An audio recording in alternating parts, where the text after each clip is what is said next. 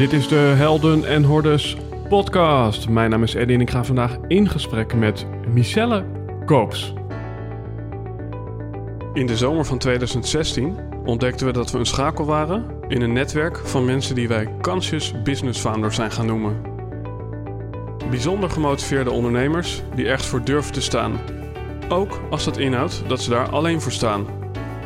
Die 200% toewijding willen geven voor 1% groei en zeggen: Dit ben ik en dit is mijn bijdrage aan een meer gebalanceerde wereld.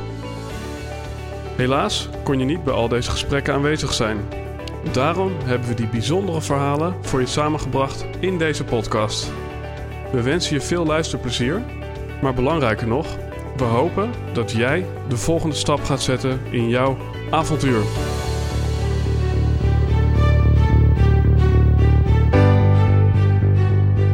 Beste luisteraar, we zitten in aflevering 94 van Helden en Hordes. En daarmee zijn we bijna aangekomen bij aflevering 100. Zo, je gaat merken dat je na 100 afleveringen iets minder goed uit je woorden komt. Aflevering 100 dus. En daarmee komt er een nieuw intro aan.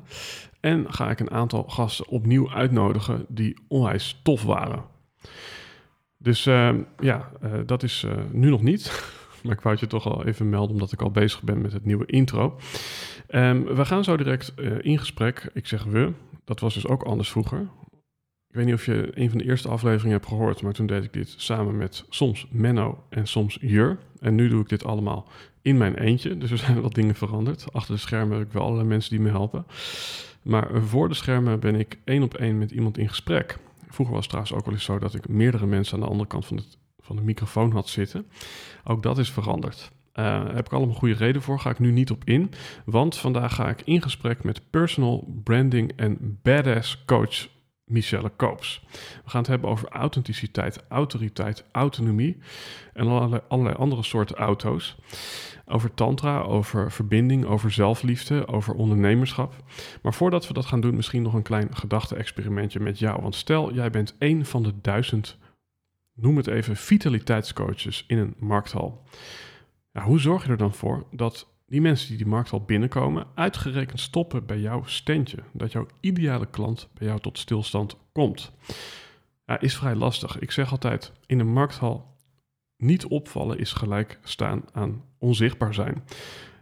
En dan geldt ook nog if you confuse, you lose. Dus wat je nodig hebt is een duidelijke en opvallende boodschap. Nou, duidelijk en opvallend is vaak ook tegendraads, is vaak een beetje paradoxaal, is vaak tegen de gevestigde orde in. En misschien zelfs wel af en toe impopulair omdat je dan in ieder geval mensen wakker schudt. Nou, hoe kom je nou aan teksten die buitengewoon binnenkomen in zo'n markthal? Ik heb er ooit een boekje over geschreven, dat heet Enkele zinnen over dubbelzinnigheid. Kun je vinden in de show notes van deze podcast, eddieboom.nl slash e-book. En daarvan heb ik minimaal 20 keer teruggekregen. Eddie, dit is het enige e-book wat ik helemaal heb gelezen.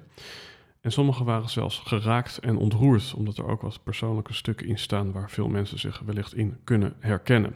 Dus eddieboom.nl slash e-book in de show notes van deze podcast, helemaal gratis en leuk leesvoer in deze zomerperiode. Voor sommigen komkommertijd. Alright, dan ga ik nu snel over naar Michelle Koops, want wie is nou Michelle Koops? Nou, dat ga ik je eventjes officieel vertellen. Michelle Koops, personal branding en leiderschapcoach, begeleidt en mentort bewuste professionals en ondernemers om zichzelf authentiek en vrijheid uit te drukken in hun werk, hun leven en zelfs in de liefde.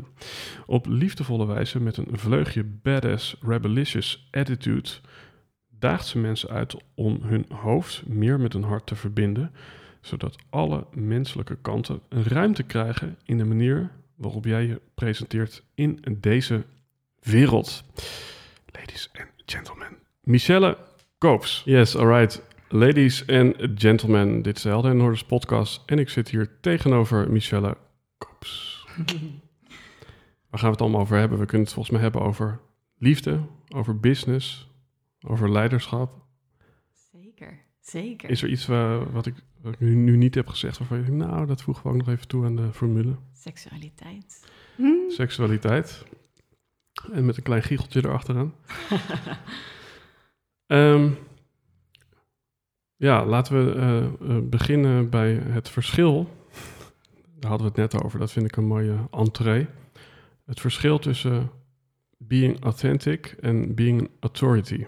Dus Ja, ja. misschien, misschien even goed dat jij even die twee begrippen, hè, want authenticiteit is een container. Misschien is eh, autoriteit dat ook. Dat je eerst eventjes die twee begrippen naast elkaar eh, uiteenzet. Wat betekenen ze voor jou? Ja. ja, dat is inderdaad een mooie. Oké. Een autoriteit zijn. Ja, voor mij is dat inderdaad een enorm containerbegrip geworden. Ehm, het wordt vaak geroepen, hè, ook door marketeers en businessgoeroes, van hey, je moet jezelf als een autoriteit neerzetten. En ehm, ik denk dat een heleboel mensen en ik zelf daarbij ook, dat we, we hebben een beeld gekregen van wat is die autoriteit? Wie ben je dan? Hoe belichaam je dat? Er zitten bepaalde kwaliteiten aan vast. Mhm.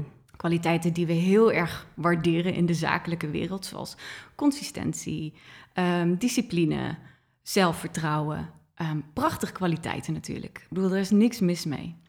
Maar op het moment dat iedereen dus maar die autoriteit is in zijn vak met die kwaliteiten, dan vergeten we dat er ook nog een heleboel andere kwaliteiten zijn die we ook kunnen belichamen.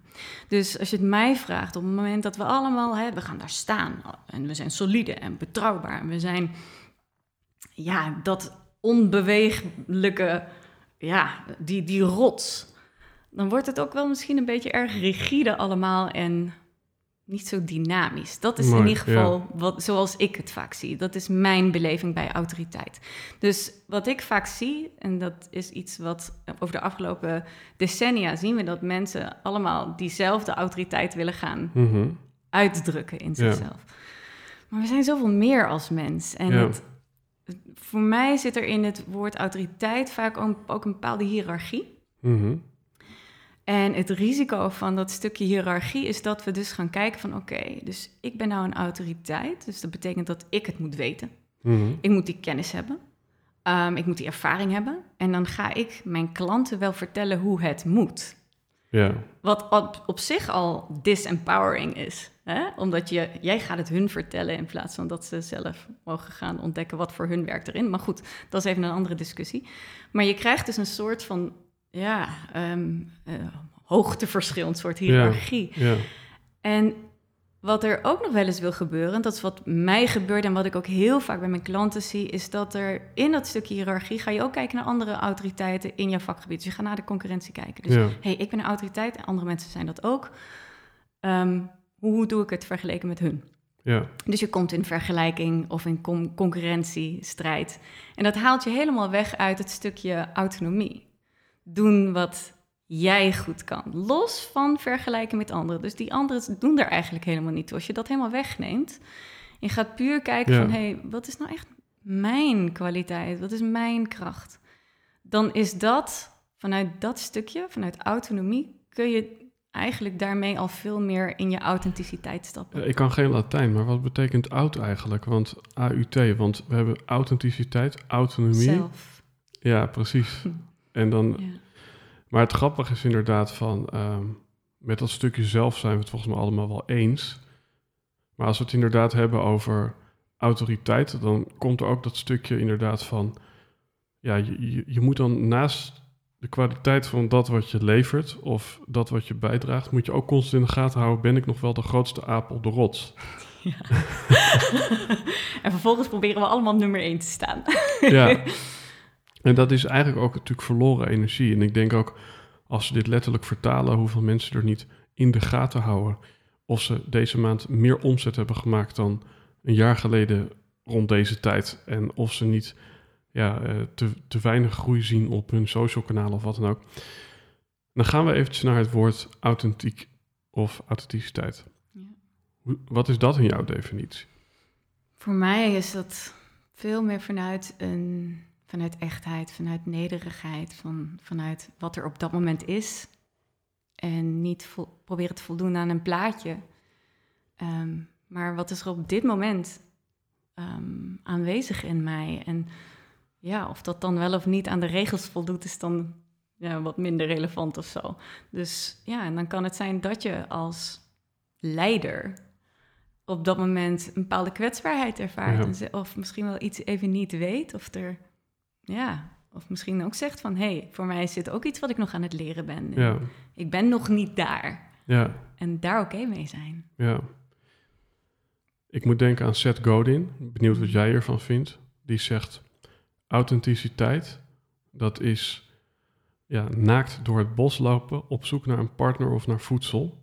En, en in die zin is eigenlijk, eh, hij zegt: in authenticiteit is eigenlijk iedereen even banaal en hetzelfde. En dus ook helemaal niet meer uniek. En dat is ook een paradox. Wat vind je daarvan?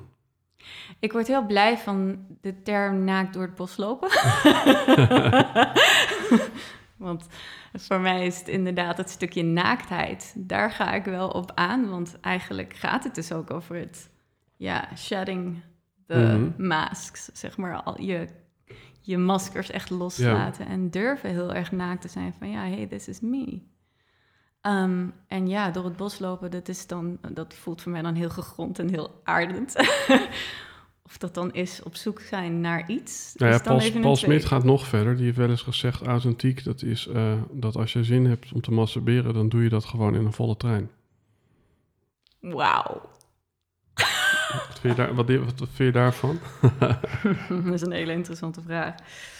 Los van een soort van utopie dat het eigenlijk, als je erover nadenkt, zou het heel mooi zijn als we in een samenleving zouden leven waarin seksualiteit zo geïntegreerd was dat als je een bepaalde self- self-pleasure, dat het mogelijk zou mogen zijn. Mhm.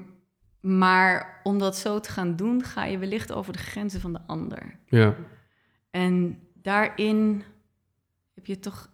We zijn, niet, we zijn geen eilandjes op deze ja want en dan komen we bij de derde term, autonomie. Dus. Hoe verhoudt autonomie, eh, Ja. auto klinkt net iets mooier, eh, tot, eh, zich tot de ander? Want Ja. als ik helemaal autonoom ben, hoe, hoe verhoudt dat zich tot de ander? Ja, mijn definitie van autonomie is dat je in staat bent om in je eigen centrum te blijven of erin terug te komen. Mhm. Terwijl je dus je leven leidt en interactie met anderen aangaat. Mhm. En dat houdt voor mij in dat je dus inderdaad niet als een of ander eiland gaat leven. Want dan ben je echt disconnected. Dus voor mij gaat autonomie niet over disconnected zijn. En geen verbinding aangaan. Dus het betekent nog altijd dat je in deze wereld bent. Ja, En dus met andere mensen te maken hebt. En dat kan soms ook, in, dat heeft invloed. Dus het kan jezelf aan het wiebelen maken. En dat betekent dat, dat, dat jij invloed op anderen hebt. Mhm. En dat betekent dat je andere mensen kan laten wiebelen. ja. En de vraag is dan, doe je dat in ieder geval binnen de grenzen, hè, met respect voor de ander, Mhm. zonder dat je daarmee ook jezelf kwijtraakt. Ja, en, de, en daar hè, het stukje verbinding. ehm, en dan komen we eigenlijk ook een soort van organisch op het woord relatie. Van dat is de verbinding met de ander. Ehm, ja, ik denk inderdaad dat de valkuil is, als ik hem even voor mezelf invul, dat dat hele individualisme en eh, autonome leven, ja, toch een soort gedissocieerd eh, en eenzaam leven eh, kan worden. Ja, wel als, die, als je het mij vraagt op een ongezonde manier manifesteert. Want ik geloof ook echt dat dat het risico kan zijn. Dat je denkt van, nou, ik ga zodanig in mijn autonomie, want ik wil vrij zijn. Ja, Ik wil mijn leven kunnen leiden. ja, Ehm, dat je inderdaad vergeet van, hé, maar we zijn hier ook nog samen in een community. ja. En ehm, dat vind ik nog wel eens, dat merk ik bij mezelf wel eens. Dat ik, voor mij is mijn vrijheid natuurlijk heel, of natuurlijk niet zo natuurlijk, maar voor mij is het heel belangrijk. Maar ik ben er op een gegeven moment ook wel bewust van geworden van, ja, maar weet je, deed het maar als Einzelganger. En ik heb weliswaar een heel netwerk en een heleboel vrienden, maar er, ik mag best wel leunen op de mensen in mijn leven. Ik mag best wel vragen om support. En want daarmee, dat community feel, dat is eigenlijk ook wat we als mensen als... Dat is een van onze primaire behoeftes. Mhm. En om dat stukje in onszelf te gaan ontkennen, zo van, ja, ik kan het allemaal alleen Ja. wel, kom je in een soort van bewijsdrang om maar te laten zien dat je niemand nodig hebt. Ja, Terwijl het is een, een van onze basisbehoeftes om gewoon liefde en verbinding te ervaren. ja, Dus het is, onze, het is heel menselijk. Om Ja. Als ik even terug ga naar het begin, hè, eh, toen hadden we het over dat authentiek ook kan betekenen dat je even een eh, KUT-dag hebt of dat je er even helemaal niet lekker in zit. En ehm, diezelfde Seth Godin, die zei van oké, als authenticiteit is dat je naakt in het bos loopt, dan is dat misschien niet wat we bedoelen in business. Wat we bedoelen is consistency.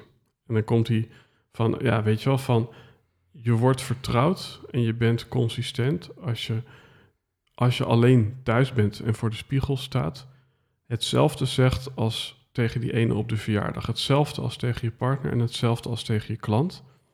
En hij zegt, daar, daar zit het succes en de kwaliteit. Wat vind je daarvan? ik heb hier echt een hele duidelijke mening over. Ja. Ehm, ik vind het nogal onhaalbaar als ik het zo hoor. Want ik ervaar zelf dat ik heb fluctuaties, weet je. Het ene Mhm. moment voel ik dit en dan eh, komt er weer een andere emotie omhoog. En het kan zomaar zijn dat als ik naakt voor mijn eigen spiegel sta... dat ik inderdaad iets denk of voel. Maar dat ik twee weken later... ehm, en ik ben inderdaad op een verjaardag... Mhm. me misschien wel anders voel ja. omdat ik op een ander, als vrouw zit ik dan op een ander punt in mijn cyclus. Dat kan Ja, zomaar ja. invloed hebben. Dus we zijn als mens niet flatlined, als in Nee. alleen maar consistent. En voor mij voelt het om consistentie op die manier te labelen als een ontkenning van onze menselijke ervaring. ja. Want we ervaren continu in, beïn- beïnvloeding van nou ja, zowel dingen in onszelf, eh, maar ook de buitenwereld. Daar eh, hebben we bepaalde emoties bij. Ja, maar als we, als we kijken naar branding, en dat woord past natuurlijk ook bij jou, hè? Het- we gaan alle kanten op, maar het is wel een leuk speelveld. Branding, weet je, als ik denk aan Coca-Cola, er is wel eens gezegd, het succes van cola zit er maar in dat het onveranderlijk hetzelfde is gebleven. Ja. En dat we het dus vertrouwen, want ja, eh, iets wat onbekend is, is vaak onveilig en iets wat we eerder hebben gezien is veilig. Ja. Dus dan zou je toch kunnen stellen van ja, die consistentie kan wel bijdragen aan, het, Ja. aan, aan de perceptie van vertrouwen. Klopt. Het is toevallig een onderwerp waar ik de laatste tijd ook veel over aan het nadenken ben, omdat ik ergens voel van er zit hier een heel interessant snijvlak. Ehm, ik denk sowieso geloof ik dat het belangrijk is dat we consistent zijn in onze menselijkheid. Mhm.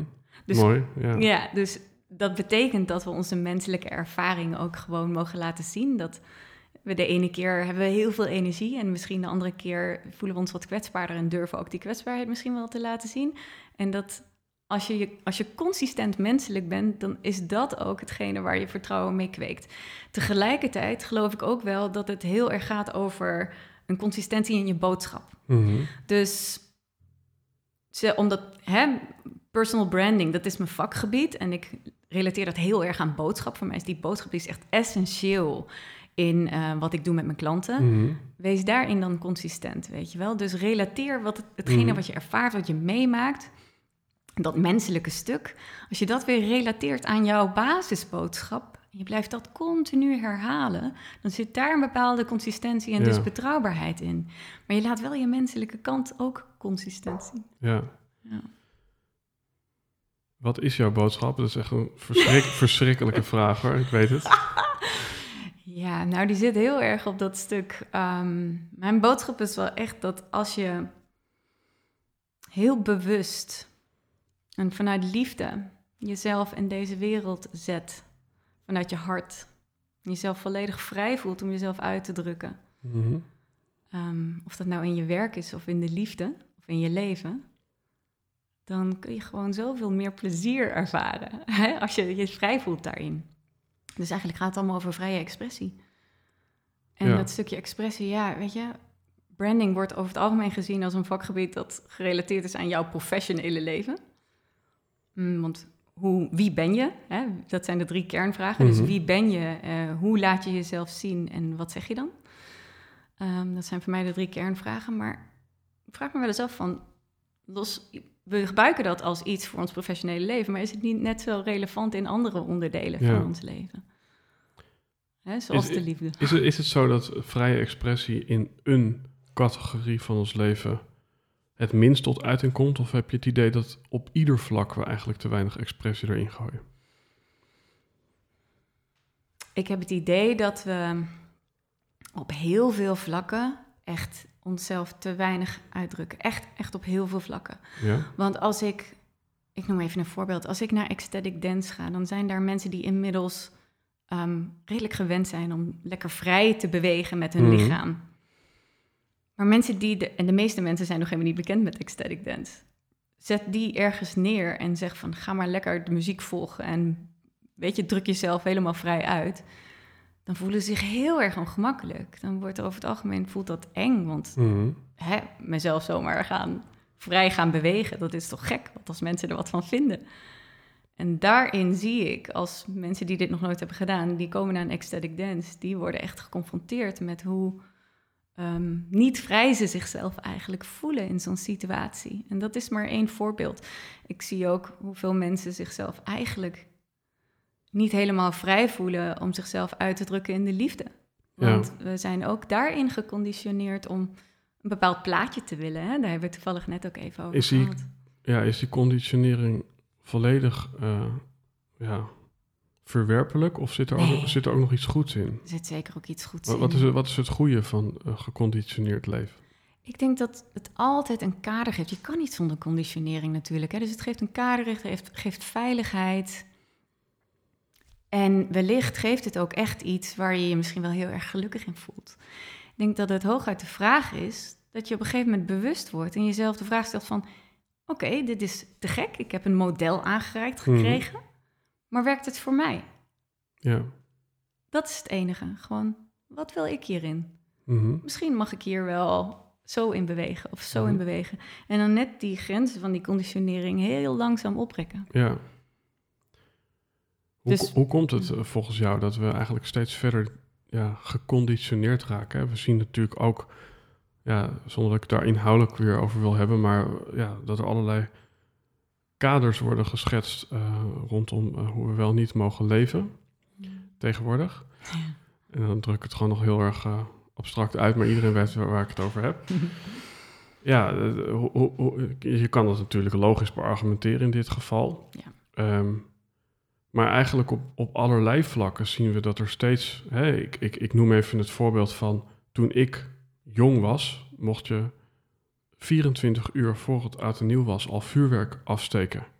Of in ieder geval vanaf 's ochtends vroeg al. Dat werd toen ineens 's avonds laat. En toen werd het ineens wat we nu zien. Het mag helemaal niet meer. Nou, en dat soort dingen zien we ook met alcohol. Het was 16, het wordt 18, het wordt 21. Eh, oh, vroeger kon je op een scooter stappen zonder praktij- praktijkexamen. Oh, dat mag ook niet meer. Dus je ziet eigenlijk overal worden kaders geschetst. En waardoor denk je dat dat komt? Of, of, of zie ik iets wat er niet is? Dat kan ook niet.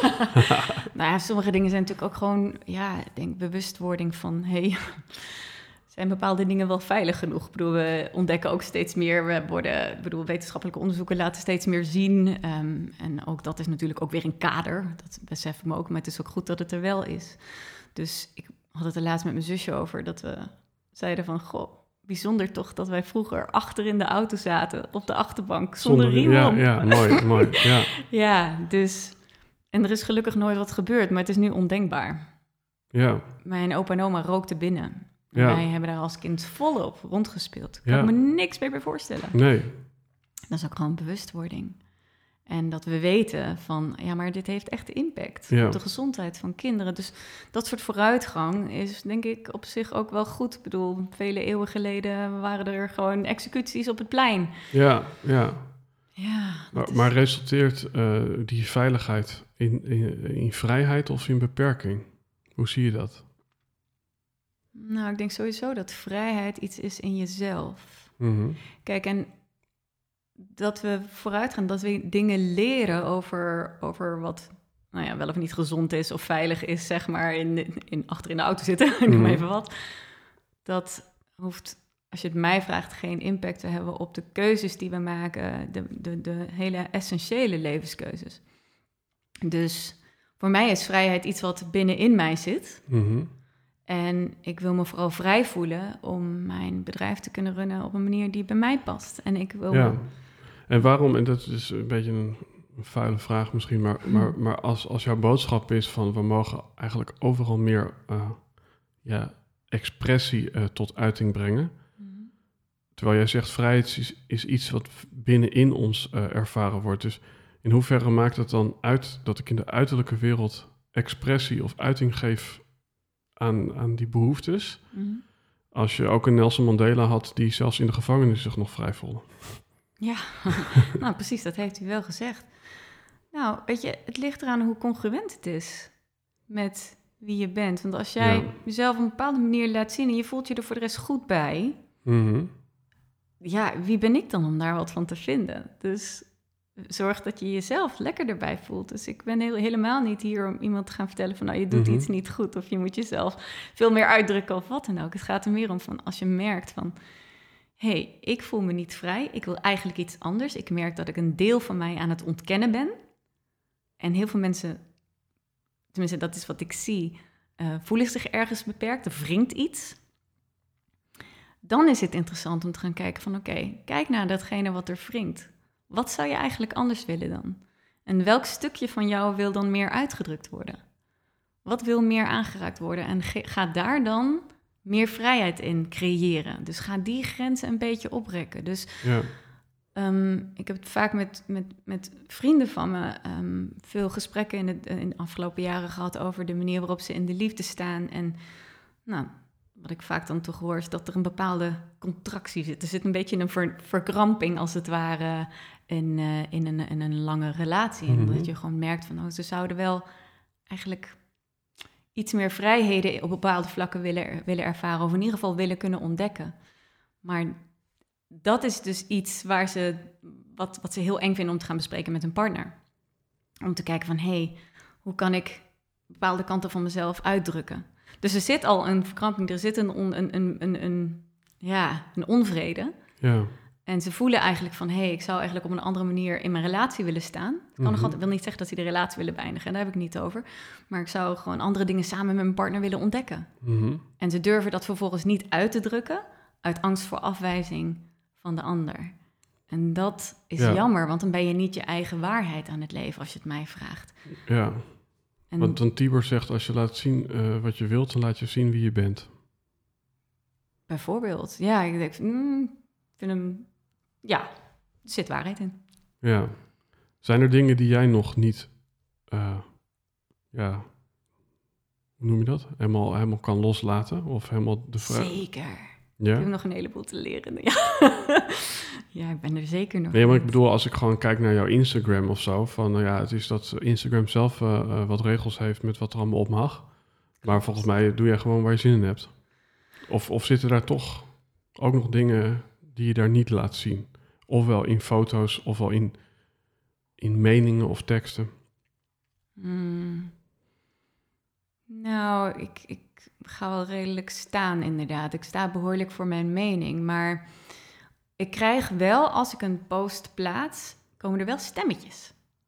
Dus het is niet dat ik al volledig daar, zeg maar, zonder enige eh, zelfreflectie, dat ik denk van, oh jee, wat, als, wat zullen mensen hiervan vinden? Dat komt toch. Ja. Dus dat is natuurlijk ook nog een stukje en wat doe je daar me- dan mee? Ehm, me herinneren van, nee, maar ik weet wat mijn boodschap is. Ja. Dit is wat ik hier te doen heb. Dus in plaats van te focussen op mijn eigen ehm, behoefte aan eigenlijk gewoon goedkeuring, want dat is het dan, hè? In plaats van daarop te focussen, denk ik van ja, nee, maar ik, ik heb hier iets te doen. Ik heb een bepaalde purpose. En al zou ik maar een paar mensen hiermee raken, die zich net even iets vrijer voelen hierdoor, die gewoon geïnspireerd worden, dan is het me dat al waard. ja. En dat is wat het voor mij betekent om een leider te zijn. ehm, en mezelf te blijven challengen daarin. Mhm. Jet Rebel, ehm, ken je hem? Artiest? Van gehoord. Ja. That's it. Nou ja, hij is ook niet meer heel erg going on, maar ja, hij ziet er een beetje uit als een soort van eh, Prince-achtige dude die eh, ook dat soort muziek maakt. Ehm, een jonge gast. Hij heeft één liedje, daar zingt hij Being, my, Being Myself is the price that I pay. Wauw. Ja. Is er een prijs die jij betaalt voor jezelf zijn? Komt dat met een prijs? Hmm. Of krijg je er alleen maar... eh, Hmm. of, of val je in de prijs? Ehm, kijk, ik denk dat het mooie is dat er aan alles altijd twee medailles zitten. Dus ik kan er ook voor kiezen om inderdaad te zeggen: ik ga gewoon lekker veilig doen wat iedereen doet. En dan krijg ik minder kritiek over me heen, of ik hoef mezelf minder te challengen, et cetera, et cetera. En ik hou het veilig. Dat kan. Maar dan, dan verloochen ik mezelf en dan challenge ik mezelf niet. Dus met dit stukje betekent het ook dat ik mezelf blijf uitdagen. En ik soms mezelf heel irritant vind. Omdat ik denk, waarom heb ik dit nou weer mezelf weer opgelegd? dat ik denk van, oh, ehm, kon ik maar gewoon eventjes normaal doen of zo. Ehm, dus ja, het komt met soms... ehm, het komt met die uitdaging. Mhm. Ja, dus dat ik mezelf weer wil stretchen. Maar ik zou Ja. het niet fijn vinden om het niet te doen. Zit er ook een ja, verslavingsmechanisme in? Dat je eigenlijk steeds verder wil stretchen? Als- Alsof, je- alsof je in de sportschool steeds meer spiermassa op wil bouwen, zeg maar. Hmm, ik denk dat het mijn behoefte is aan, aan eh, novelty. Vind ik altijd zo'n mooi, mooi woord in het Engels. Nieuwigheid. Mhm. Avontuur. Ik denk dat dat het bij mij echt is. Dat ik denk van ja, maar anders wordt het gezapig of zo. Dus Ja. ik hou heel erg van dat avontuur. Dus dat, dat, daar kan je wel gelijk in hebben. Dat daar een stukje soort van verslaving in zit. Ja. Ja, ja, ik vind dat interessant. Van, hey, durf ik dit ook? Is dat, is dat iets recents, die, die novelty? Eh, of, of heb je eigenlijk altijd al een Altijd. beetje stretching the itch gedaan? Altijd. Ja? Ja. En op wat, wat voor manieren kwam dat dan tot uiting? Hmm. Ik denk dat voor mij was het een enorme stretch om... Oké, dan moet ik heel even een beetje context geven. Ehm, ik was elf toen ik... Nou, toen woonde ik natuurlijk nog bij mijn moeder samen met mijn zusje. We waren met z'n drietjes. Mijn ouders waren al gescheiden. En eh, mijn moeder was heel erg op zoek naar zingeving op dat moment. Dus ze was een beetje aan het rondzoeken naar verschillende vormen van spiritualiteit. En ehm, besloot zich op dat moment aan te sluiten bij een kerk, een christelijke gemeenschap, secte. en ehm, vijf jaar lang heb ik daarin gezeten. En dat voelde op een gegeven moment voor mij heel erg benauwd. Mhm. En ehm, het was heel grappig dat maatschappijleer op school mij bepaalde inzichten gaf. Waarbij ik me vooral ging afvragen van, ja, maar wat wil ik nou? Wat zijn nou mijn waarden en hoe, hoe wil ik mij in deze wereld neerzetten? Het is heel grappig dat ik daar op die manier al op mijn zestiende mee bezig was. En toen heb ik dus ook, dat is een vorm van avontuur, een vorm van een stretch voor mezelf, heb ik echt de keuze gemaakt van, nee, ik wil dat niet. Nee. Ik wil gewoon echt mijn leven op mijn manier leiden, los van de regels van de kerk. Ik wil mijn eigen voorwaarden voor mijn leven gaan scheppen. Dus ik ben die kerk uitgegaan. En dat alleen al is een behoorlijk stretch als je 16 jaar bent en eigenlijk gewoon weet dat je hierna geshunt wordt. En dat gebeurde dus ook. Dus ik denk dat ik altijd. Het gaat mij niet eens zozeer om de stretch alleen, maar om trouw zijn aan wat mij roept op dat moment en wat voor mij kloppend is. Ja. En voor mij voelde het niet meer kloppend om in die secte te blijven. Ja. En om, eh, ja, want ik denk dat dat, dat, dat dat een soort van fine line is, eh, zoals Paul McCartney dat zegt. eh, een, een- fine line tussen doen wat er voor je klopt en eigenlijk die rebels zijn, die eigenlijk, waar die ook is, altijd op het moment dat iets weer populair eh, wordt of de norm wordt, er weer uit te stappen om, Mm. om, om, om alternatief te willen zijn. ja, dat is heel mooi dat je dat zegt. Want ik denk dat dat ook, want dan ga je koppig zijn om het koppig zijn. Ja, Zonder dat het daadwerkelijk ergens ja. mee gelinkt is. Ja, dat, dat doe ik niet inderdaad. want je noemt jezelf eh, Michel Rebel. Ja. Maar wat is dan voor jou rebellie? ja, voor mij is rebellie dus gaat inderdaad niet om koppig zijn. Dus het gaat niet zo van, nou, ik ga lekker gewoon overal tegenin schoppen. Het gaat veel meer over, ik pak mijn autonome pad. Ja, Dus ik ga echt het pad lopen, het pad bewandelen wat klopt bij Ja. mij en bij wat ik wil, los van regels. Dus het betekent inderdaad ook echt de regels van hoe je jezelf moet positioneren of Mhm. hoe je een relatie moet vormen. Want ja, verliefd, verloofd, getrouwd, samenwonen, kindjes, weet ik Mhm. het wat allemaal. Als dat niet voor je, voor je klopt, ehm, of als je zegt van nou ja, dat stukje autoriteit zijn, dat klopt niet helemaal voor mij. Ik wil andere dingen van mezelf laten zien, dan doe dat. ja, Dus we krijgen natuurlijk genoeg regels opgelegd vanuit allerlei goeroes, vanuit de maatschappij, noem maar op, op verschillende manieren. Ik bedoel, eh, volg een webinar van Mhm. een, eh, van een eh, beetje marketinggoeroe en je krijgt ook daar weer stappenplannen en Ja. regels, want zo hoort het. Ehm, maar ja, misschien is er wel iets anders wat beter voor je werkt. Ja, Dus dan is het misschien een beetje rebelleren. ja dat, dat vind ik altijd een interessante gedachte. Van, eh, weet je wel, in de tijd dat 365 dagen succesvol heel populair was. Ik heb er ook nog eh, dingen voor gedaan toen. Weet je wel, toen was het wie... wie eh, eh, weet je wel, het was bijna van, nou, lees dit boek en je weet hoe je gelukkig en succesvol wordt. En toen dacht ik, ja, maar twee mensen hebben dat boek niet gelezen en dat zijn jullie. Weet je wel? En datzelfde kan je zeggen bij de enige die de kracht van het nu niet heeft gelezen, was Eckhart Tolle toen hij hem nodig had. En wie had de Bijbel gelezen eh 2000 jaar geleden toen hij hem nodig had? Dus dat, dat vind ik altijd weer een soort van apart van hoe je inderdaad dan die regels en stappenplannen kunt, eh, ja, ja, bedenken. op, op een voetstuk kunt plaatsen of zo. Ja, eh, kom ik eigenlijk ook op die vraag van... zijn er dan dingen, nou ja, regeltjes die, je- die, die je nog wel volgt... waarvan je denkt, nou, die zijn toch belangrijk om na te leven? Nou, ongetwijfeld. Want ik denk dat er ook een heleboel regels zijn waar ik me echt nog helemaal niet zo bewust van ben. Dat ook dat nog in mijn patroon loopt. Hè? Ik bedoel, ja, ik heb ook ontdek ook met de jaren steeds meer over van jeetje, wat ben ik daarin geconditioneerd? Toch nog. Ehm eens even denken. Ja, nou, als ik gewoon even kijk naar ehm, hoe ik mezelf bijvoorbeeld in de, in de afgelopen maanden toch weer ben teruggegaan naar een soort van oud patroon over hoe ik mijn business moet runnen. Hoe ik mijn marketing moet doen. Dat ik weer dacht van, oh ja, ja, ik moet gewoon weer even een doel, een doel gaan stellen. En ik moet gewoon een stappenplan Mhm. maken. En ik moet dan gewoon die en die en die stap. En ik ben alles precies zoals het dan hoort. En het voelt zo niet lekker dan voor me. ik doe het dan. Maar het werkt wel, of niet? Ja, het werkt. ehm, het werkt, maar het werkt nog niet zoals ik het wil. En ik voel dan ook wel weer van, ja, maar eh, dan ga ik een webinar doen en dan is dat met een presentatie. Terwijl ik eigenlijk gewoon, weet je, dus dan heb ik een PowerPoint-presentatie gemaakt. Terwijl ik het eigenlijk ook heel fijn vind om gewoon voor een camera te gaan zitten, zodat mensen mij kunnen zien. Ja. En daarom vind ik het ook zo fijn om elke maand mijn workshops te doen. Mhm. Wat dan misschien elke keer live is en dus niet geautomatiseerd volgens de marketingregels. Ehm, maar ik vind het fijn. Ja. Ik word er blij van. Ja. Ja. En dan heb ik al heb ik maar een klein groepje met mensen live in mijn Zoom. Ja, want, want Prima. ja, je, je dopt je eigen boontjes, maar is groei voor jou belangrijk? Zeker. En, en wat is groei? Is, is groei iedere maand meer mensen op je webinar? Blijkbaar niet. Nee, voor mij is groei heel erg dat ik.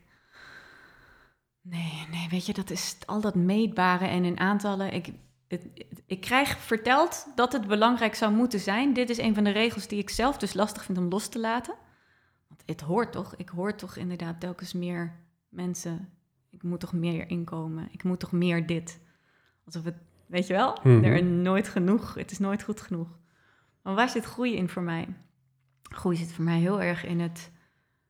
ehm, dat als, als ik meer en meer kan focussen op, op dienen. ehm, vanuit wie ik ben. En op dat moment daarin blijf. En dat ik mensen kan raken.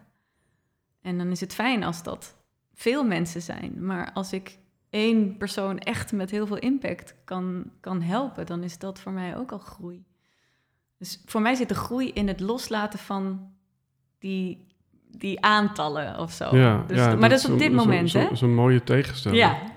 ja. ja, heel erg. Maar dit is omdat ik gewoon ook zo geconditioneerd ben van... ja, maar ik moet toch altijd juist naar meer en meer. Want Mhm. dat is een van die overtuigingen. Zo van, ja, maar hoe groot je bankrekening... dat is alleen maar bewijs van hoeveel mensen je hebt geholpen. ja. Ja, dus als je hem andersom... weet je, op het moment dat je bankrekening bijvoorbeeld... door corona, door wat dan ook, even wat minder is... dan heb je dus niet genoeg mensen geholpen. En Ja, ja. ineens is daar weer de guilt. ja.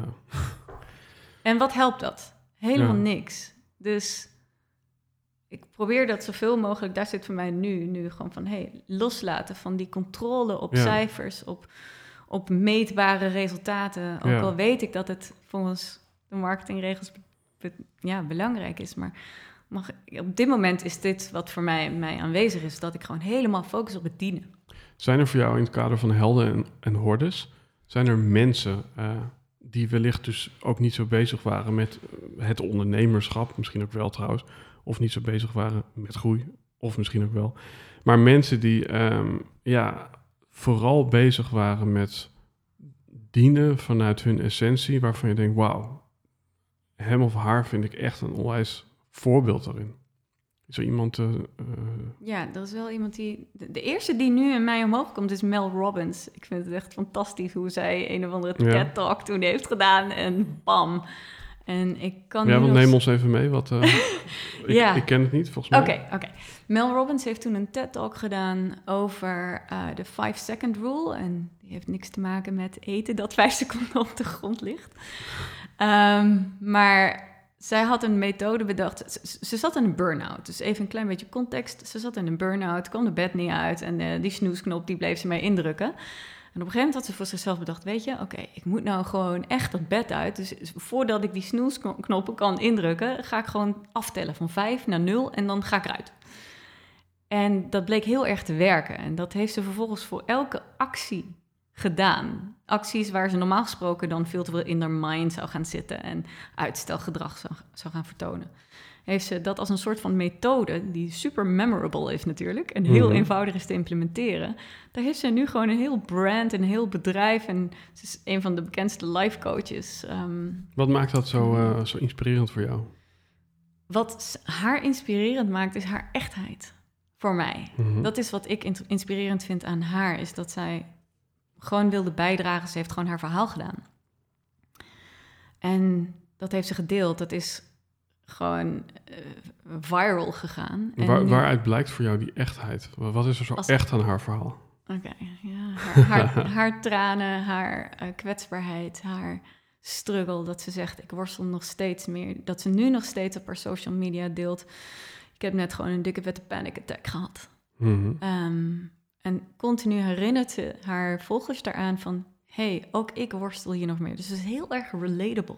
Mhm. Dus voor mij, zoals ik haar zie, zoals ik haar meemaak... probeert zij niet zo van... hey, ik ben hier de autoriteit die alles wel weet... en die er nooit meer last van heeft. Ik heb al alles, alles overwonnen. Maar ik krijg er nog steeds mee te dealen. En ondertussen heb ik wel een... Wat, Ja. heb, weet ik wel hoe ik het kan oplossen en Ja, dat deel is, ik met het is toch grappig. Ja. Ik zat gisteren zelf dan op het podium in een room met... eh, Ja, eh, wat, die, waar- in het voorgesprek hadden we het over Tibor, Edwin Mhm. Selei... en over eh, Richard Telet en Thijs Lindhout. En ik kom daar nou ja, een vraag stellen aan de vier heren. En dat zijn allemaal jongens met veel volgers en eh, aanzien en toestanden. En ik zeg eigenlijk van ja, weet je, je, je bent je omgeving, daar ging het dan over. Maar ik zeg ja, eigenlijk iedere keer als ik met allemaal andere mensen omga, dan, ook al zijn ze succesvol, dan kunnen ze me ook gaan tegenwerken. Want eh, ja, ga maar eens proberen op het tempo te rennen van iemand die harder gaat. Want dat, dat horen we dus eigenlijk. Van ja, die, die mensen moet je dus volgen. Want die, eh, ik zeg ja, maar dan ren ik mezelf helemaal eh, de longen uit mijn lijf. Dus ik zeg, ik, ik groei volgens mij het, het meest als ik gewoon thuis alleen ben. En, en, en dus voel ik het niet zo. Ik, ik voel dat ik. En toen kwamen we uiteindelijk op een heel kwetsbaar stuk over vergelijken. Mm. En eh, dat ik dus eigenlijk daarin een soort zelfafwijzing van ja, weet je wel, eh, als ik met succesvolle mensen omga, dan voel ik mezelf eigenlijk ja, per definitie een beetje een zakker, omdat je dus altijd iemand moet hebben die al verder is dan jij om te groeien. Nou, dat vond ik eigenlijk wel mooi, want toen dacht ik erover na van ja, hoeveel inderdaad gedachtegoedleiders zijn er die toch ook maar gewoon laten zien eh, dat ze het inderdaad op heel veel vlakken nog niet weten. ja. Of dat ze twijfelen. Is, is dat voor jou, hè? Want dan, dan ga ik er nog even een naam tegenaan. Ilke Smit heeft wel eens in deze podcast het gehad over emotioneel incontinente mensen. Hm. Dus mensen die er bijna een sport van maken om, om kwetsbaar te zijn voor, voor, voor volgers of zo. Geloof jij dat kwetsbaarheid eh, grenzeloos is? Of, Het gaat voor mij over echtheid. mooi. Als kwetsbaarheid Ja, ja. gespeeld wordt, dan val je ook door de mand. Volgens mij voelt, voelt iedereen dat het dan gewoon niet meer... dat het niet klopt. Incongruentie is voelbaar. Ja, mooi. Ja, en weet je, ik heb ook zelf zoiets van... op het moment dat ik een bepaalde kwetsbaarheid ervaar... en dat ik ergens tegenaan loop... dan koppel ik hem wel aan van... hé, maar wat heb ik hieruit te leren? Of wat, wat, wat kan ik hi- hiermee met deze ervaring? Wat kan ik delen? Waardoor mensen die hier misschien wel iets... ehm, die dit herkennen, dat ze er ook iets aan hebben. Dus de dingen die ik zelf doe, als ik bijvoorbeeld merk van... ik zit wat lager in mijn energie... maar Ja. ik merk toch, ik moet zo meteen een, een klant gaan helpen... dus ik I need to show up. Ja, Ik moet mezelf wel uitdrukken. ja. En het mooie is aan het voorbeeld wat je gaf van... ik ben haar naam nu alweer kwijt. Mel Robbins. Ja, dat zij eigenlijk dus een, ja, belichaming is Ja. van eh, ja, je toch altijd laten zien wat speelt er nu. En, en, en, en dat is dus eigenlijk waar we het aan het begin van dit gesprek over hadden: van niet we hebben één blauwdruk van eh, mevrouw Robbins, maar we hebben verschillende varianten die op verschillende varianten zichtbaar worden. Ja, Dat, en voor mij is dat waar het bij personal branding over gaat. Dus eh, toevallig weer gerelateerd aan consistentie. Je kan inderdaad een soort van plaatje gaan Mhm. creëren. Ehm, zo van, hé, hey, ik ga vooral dit en dit en dit laten zien, want ik moet die autoriteit zijn of wat dan ook. Of ik ben gewoon lekker die weirdo, ik noem even ja, wat. ja. Of je kan inderdaad verschillende vormen van jezelf laten zien. Want we zijn als mens volgens mij niet voor één gat te vangen. We hebben Nee. zoveel verschillende kanten. En hier zit vaak ook wel de... Ja, het voelt natuurlijk ook wel een beetje edgy. Want shit, als ik me dan kwetsbaar ga laten zien... wat gaan mensen daar dan van vinden? Mag dat Mhm. wel? Of als ik mijn humoristische kant laat zien, mag dat wel? Of Ja. mijn sensuele kant? Ja, dat mag. En jezelf permissie geven om dat allemaal te laten zien. Ja, maar wat je, waar jij het over hebt, is het laten zien van verschillende ja, emoties en eh, ja, Kanten van jezelf. ja, maar want, want wa- wa- wat nu opkomt, hè? Stel dat je een hartchirurg hebt, en dat voorbeeld hebben we dus aangehaald in deze podcast. Ehm, die zegt van ja, eh, ik ben niet fulltime hartchirurg, dus het is niet een Insta-page met alleen maar eh, tools en eh geholpen patiënten, maar het is een Insta-page waarop staat dat hij ook nog jongleur is, dat hij ook nog modelautootjes bouwt, dat hij eigenlijk ook nog eh, eh, een studie voor familieopstellingen doet en dat hij ja, in het weekend veel te veel gesopen heeft. ja, zou je dan naar die hartchirurg nog steeds zo graag gaan? Denk je dan, is dat een specialist? Kan ik daar letterlijk mijn hart bij kwijt? bij luchten? Of, of denk je van, nou, eh, ik zoek toch iemand die daarin de boodschap heeft... Het enige wat ik doe is eh, hartoperaties en verder eh, doe ik niks in mijn leven. En dat, en dat vind ik een interessante. Ja, van- die is ook heel interessant. Want dan hebben we eigenlijk het over competentie misschien. Ja, dat klopt. Dan heb je het over competentie. Kan je iemand nog vertrouwen? Geloof je iemand nog als die allerlei dingen in zijn privéleven erbij doet en hobby's heeft? Ehm, of wordt iemand dan menselijker? Ja, het is denk ik een hele goede vraag, want ik denk dat twee kanten op kan gaan. Dus voor mij gaat het altijd over bewust kiezen. Ja. Dus ik heb een heleboel dingen die ik misschien wel niet laat zien, Mhm. omdat ik vind dat het niet zo bijdraagt aan de consistente boodschap die ik Nee. wil delen. En dat het mensen in verwarring kan brengen. Ja, dus, dus jouw, eh, jouw boodschap is niet laat alles zien. Nou, of kies je momenten. Want ik laat soms ook zien dat ik, ehm, zoals ben, ik ben toevallig net een, een, een training begonnen, een, een Mhm. opleiding tot herbalist. nou, dat is compleet iets anders natuurlijk, maar ik vind het superleuk. Een herbalist, wat is dat voor de luisteraar? Eh, het, ehm, kruiden en planten als medicijn. Dus echt de medicinale kracht van, eh, van bepaalde Tof, ja. kruiden, kruiden. Dus ik vind dat superleuk. En het heeft helemaal niks met mijn vakgebied te maken. Maar vorige week besloot ik wel om dat dan heel even op mijn stories te laten zien. Van, hé, hey, kijk, ik ben hiermee Ja, begonnen. ja. Want het maakt me wel echt.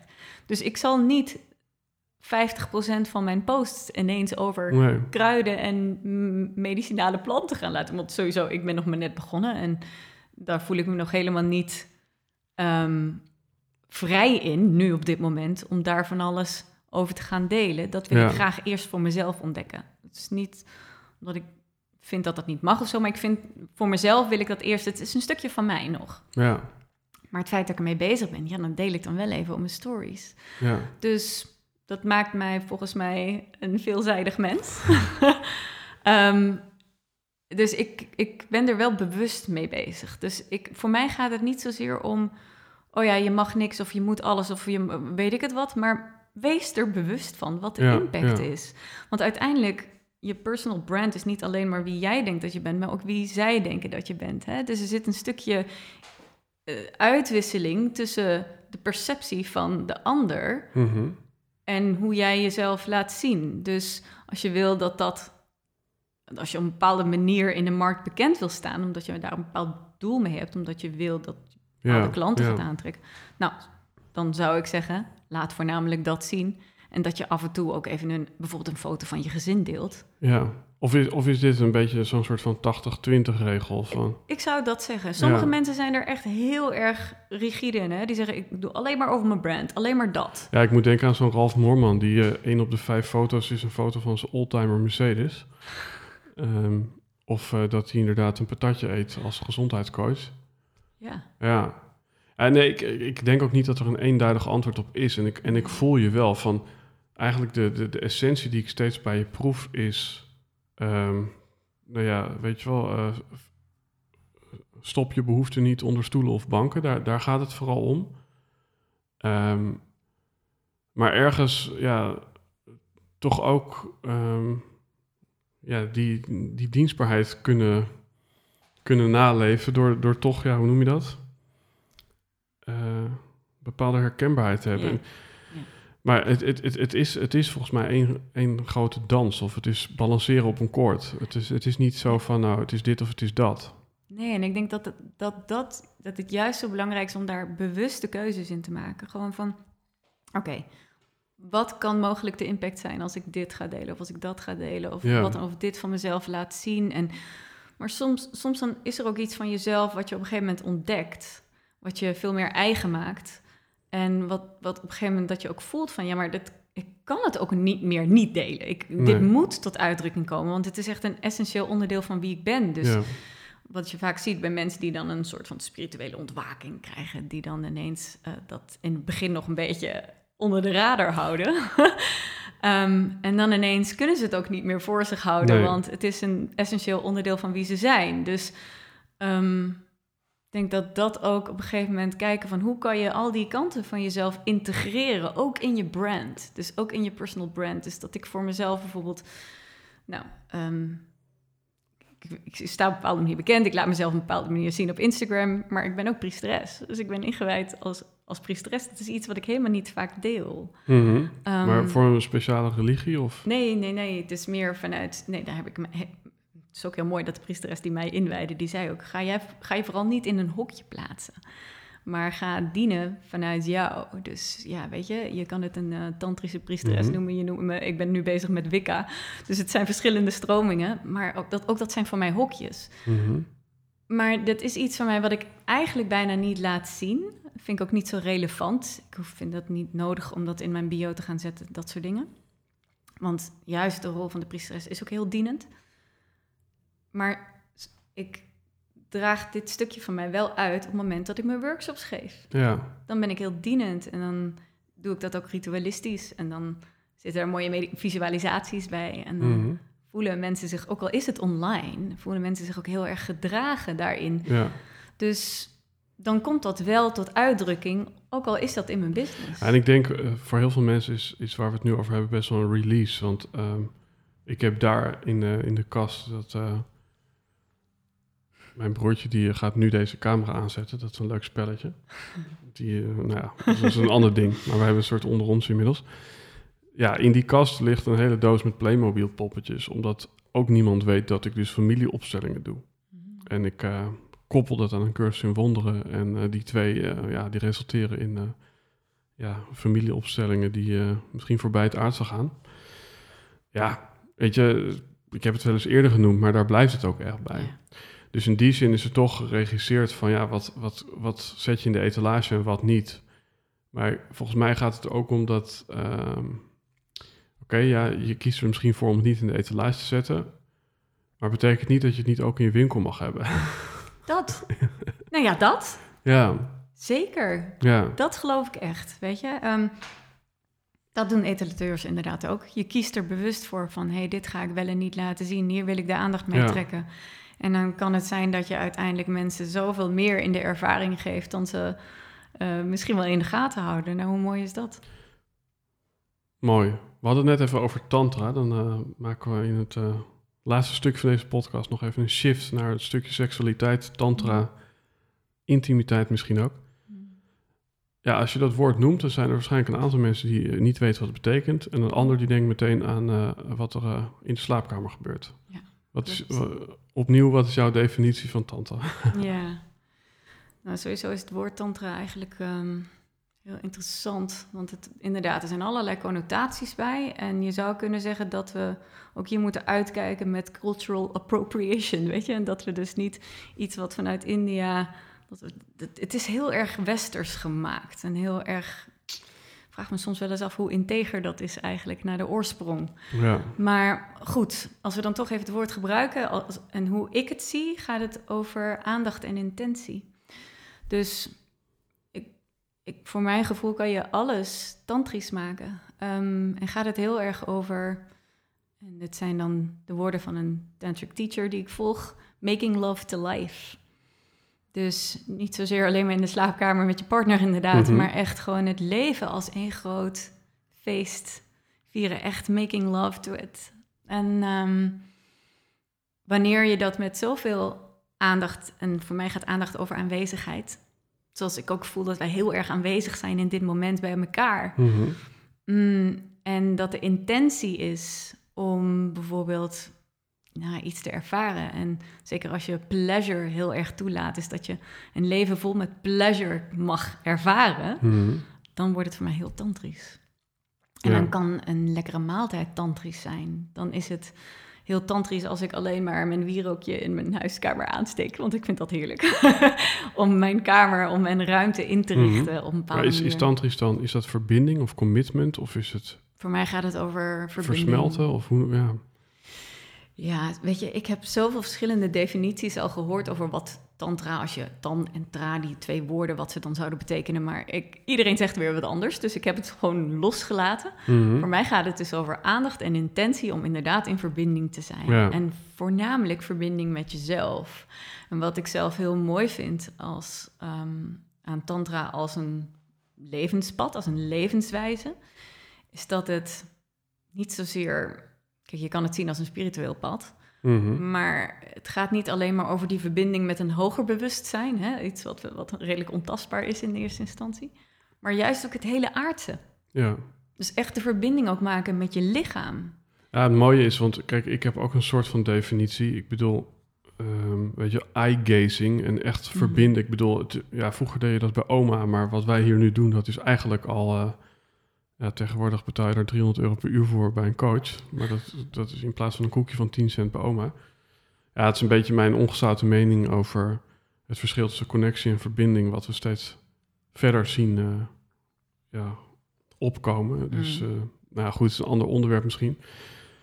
Voor mij is, is, is dat tantrische, dat is inderdaad eh, ja, verbinden. Maar het inzicht wat je me nu geeft is dat, dat je daarin jezelf wel moet meenemen. Dat het, begint met die verbinding met jezelf. Ja. Waar, waarin laten we het wat jou betreft nog te veel liggen? Eh, als, als, als het gaat om bijvoorbeeld eh, de relaties die we hebben eh, met klanten of met, met, met, met, ons, met ons werk. kan, kunnen we daar ook nog een laagje tantra aan toevoegen wat jou betreft? Hmm. Ja, wanneer je bijvoorbeeld in het contact met een klant zo bewust je aandacht in dat moment hebt, echt present bent met, ehm, met die klant, en jouw hele intentie is om hun zo'n fantastisch mooie ervaring te geven, dan krijgt dat zo'n diepere laag. Mhm. En om daar, snap je, dus alleen dat al, puur dat. En dat heeft echt heel erg te maken met focus. Waarmee ik niet wil zeggen dat mensen geen focus hebben of niet aanwezig zijn, maar het intentionele erachter, gewoon daar echt zo bewust voor kiezen, Ja. kan al heel mooi zijn, weet je wel? Omdat je dan echt zo van, wow, ik mag deze klant nu dienen, ik mag diegene helpen. Ja, Als je daar met je hele ziel en zaligheid daarin gaat, dan gaat een klant dat voelen. Dus dat is één. Maar omdat het ook heel erg gaat over de verbinding met jezelf en met je lichaam. En je lichaam is een hele mooie tool, een hele mooie ingang. En ik heb het gevoel dat, een, dat we op veel vlakken soms de verbinding met ons lichaam wel een beetje kwijt zijn. Hè? We zitten heel erg in ons hoofd. Ik merk het soms zelf ook nog, ondanks dat ik toch heel veel embodiment doe en toch probeer die connectie met mijn lijf te houden, dat ik toch soms ook weer hier inschiet in het denken en het eh, en vergeet om te voelen wat er is er nu aanwezig in mij.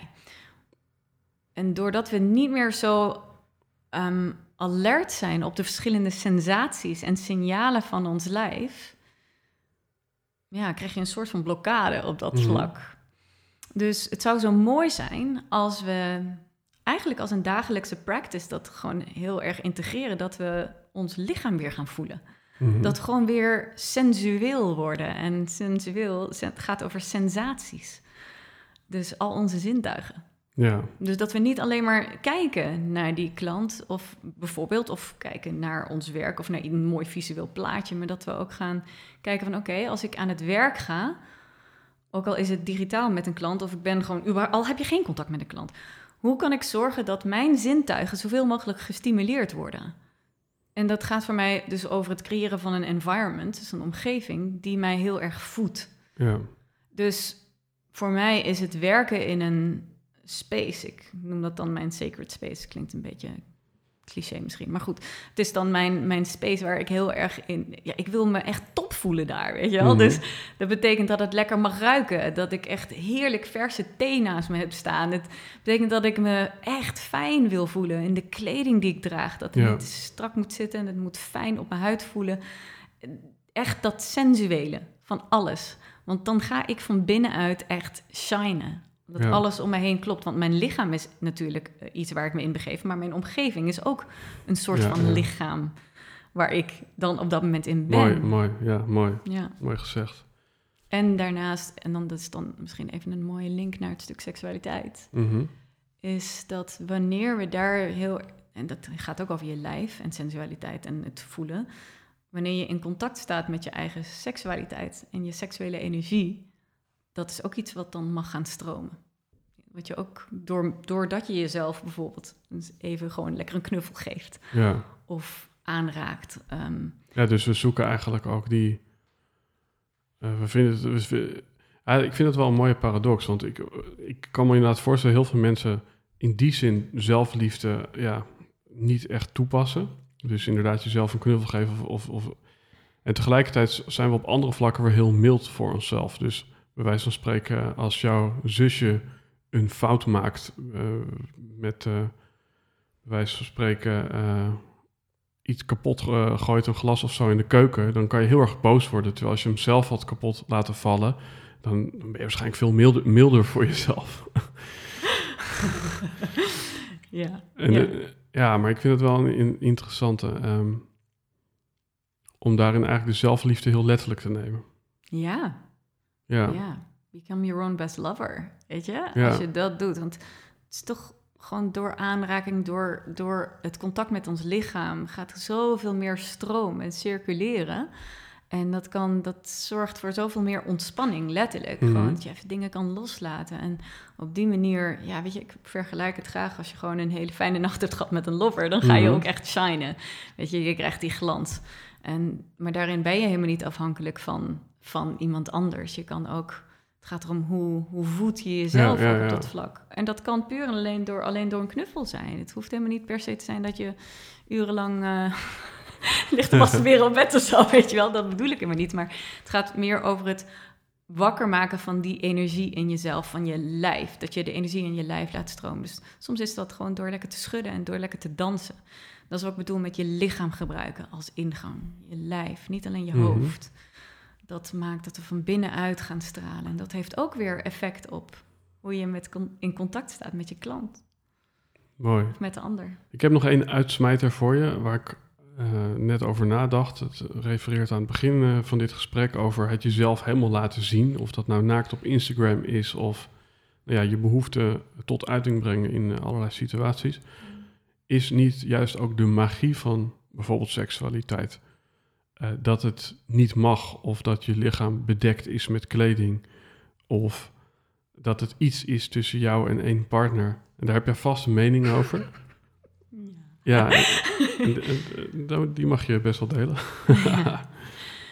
Ehm, ik ben dan heel benieuwd van, is dat zo op het moment dat, weet je, dat die magie...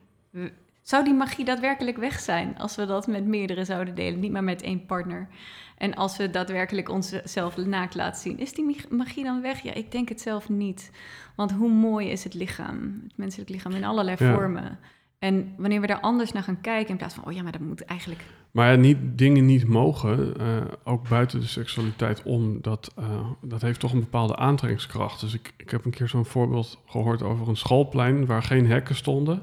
En toen klommen al die kinderen over het hek. En toen ze de wek, eh, hekken weghaalden, bleven ze eigenlijk binnen een bepaalde straal. Dus, dus een soort omgekeerd, ja, toch een soort nieuwsgierigheid naar, naar dingen die, die, die niet mogen of zo.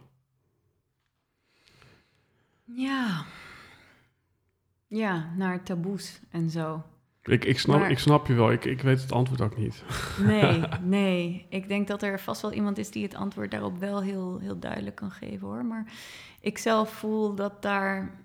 Nee, ik voel ook gewoon dat daar. Als je, als je op een gegeven moment op een bepaalde manier vol verwondering de wereld inkijkt. Mm en echt vanuit nieuwsgierigheid. Voor mij is een houding van nieuwsgierigheid is gewoon super essentieel in mijn hele leven. En dan kan ik al twintig keer naar dezelfde plant hebben gekeken, maar als ik met echt heel bewust met intentie en nieuwsgierigheid opnieuw naar die plant ga kijken, dan zie ik misschien wel weer hele nieuwe dingen. En hoe mooi zou het zijn als je ook de man of vrouw of wat voor uh, gender dan ook, je partner voor de 20 miljoenste keer naakt ziet, waar niks nieuws aan is. Ehm, en daar toch nog met verwondering naar mag kijken. Dat is iets wat ik heel mooi vind ook aan Tantra. Is dat het echt vanuit die verwondering. Ja, beginner's mind. Beginner's mind. Dus is dan dat, datgene dat. Hè, het bedekken dan nog nodig? Nou ja, mooi gezegd. Ja. ja, ik denk het niet inderdaad. Dat is wel interessant. Hmm. dus ja, nieuwsgierigheid. Is er nog één ding? Hè? Ik zeg wel eens van. Uh, als je op een billboard één quote mag zetten voor iedereen die luistert en hier een volgende stap wil zetten, is er nog iets wat je aan mensen wil meegeven? Een advies of een inzicht of iets inspirerends?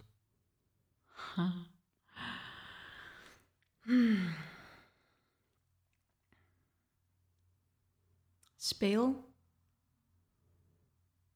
Durf. Geniet. Alright. En daar wil ik hem eh, een beetje mee afronden. Is er dan ook nog één plek waar je de luisteraar naartoe wil verwijzen? In de show notes zet ik nog allerlei andere dingen ook hoor. Maar één bijzondere plek. Een link naar een kanaal van je of iets. Ja, ik zou zeggen, als je naar mijn website gaat, dat is beabrandrebel.com. Daar staat eigenlijk alles, want op de homepage zie je meteen ook dat je mijn app gratis kan downloaden. En uh, daar zijn allemaal toffe gratis dingen in. En er staat een heleboel free stuff op mijn website. Dus uh, dat is misschien het meest centrale. Staat ook al mijn social buttons staan er ook op. Super cool. Um, yes, als je over deze aflevering wil meepraten, dan kan je hashtag Helden en Hordes gebruiken op Twitter, op Facebook, op Instagram. En op YouTube kan je nog maar je comment achterlaten. Vergeet ook zeker niet te abonneren. De aflevering wordt ook visueel steeds mooier. Uh, ja, tof. Wij hebben elkaar via Clubhouse voor het eerst gesproken. Via, via, via kennen we elkaar eigenlijk al lang.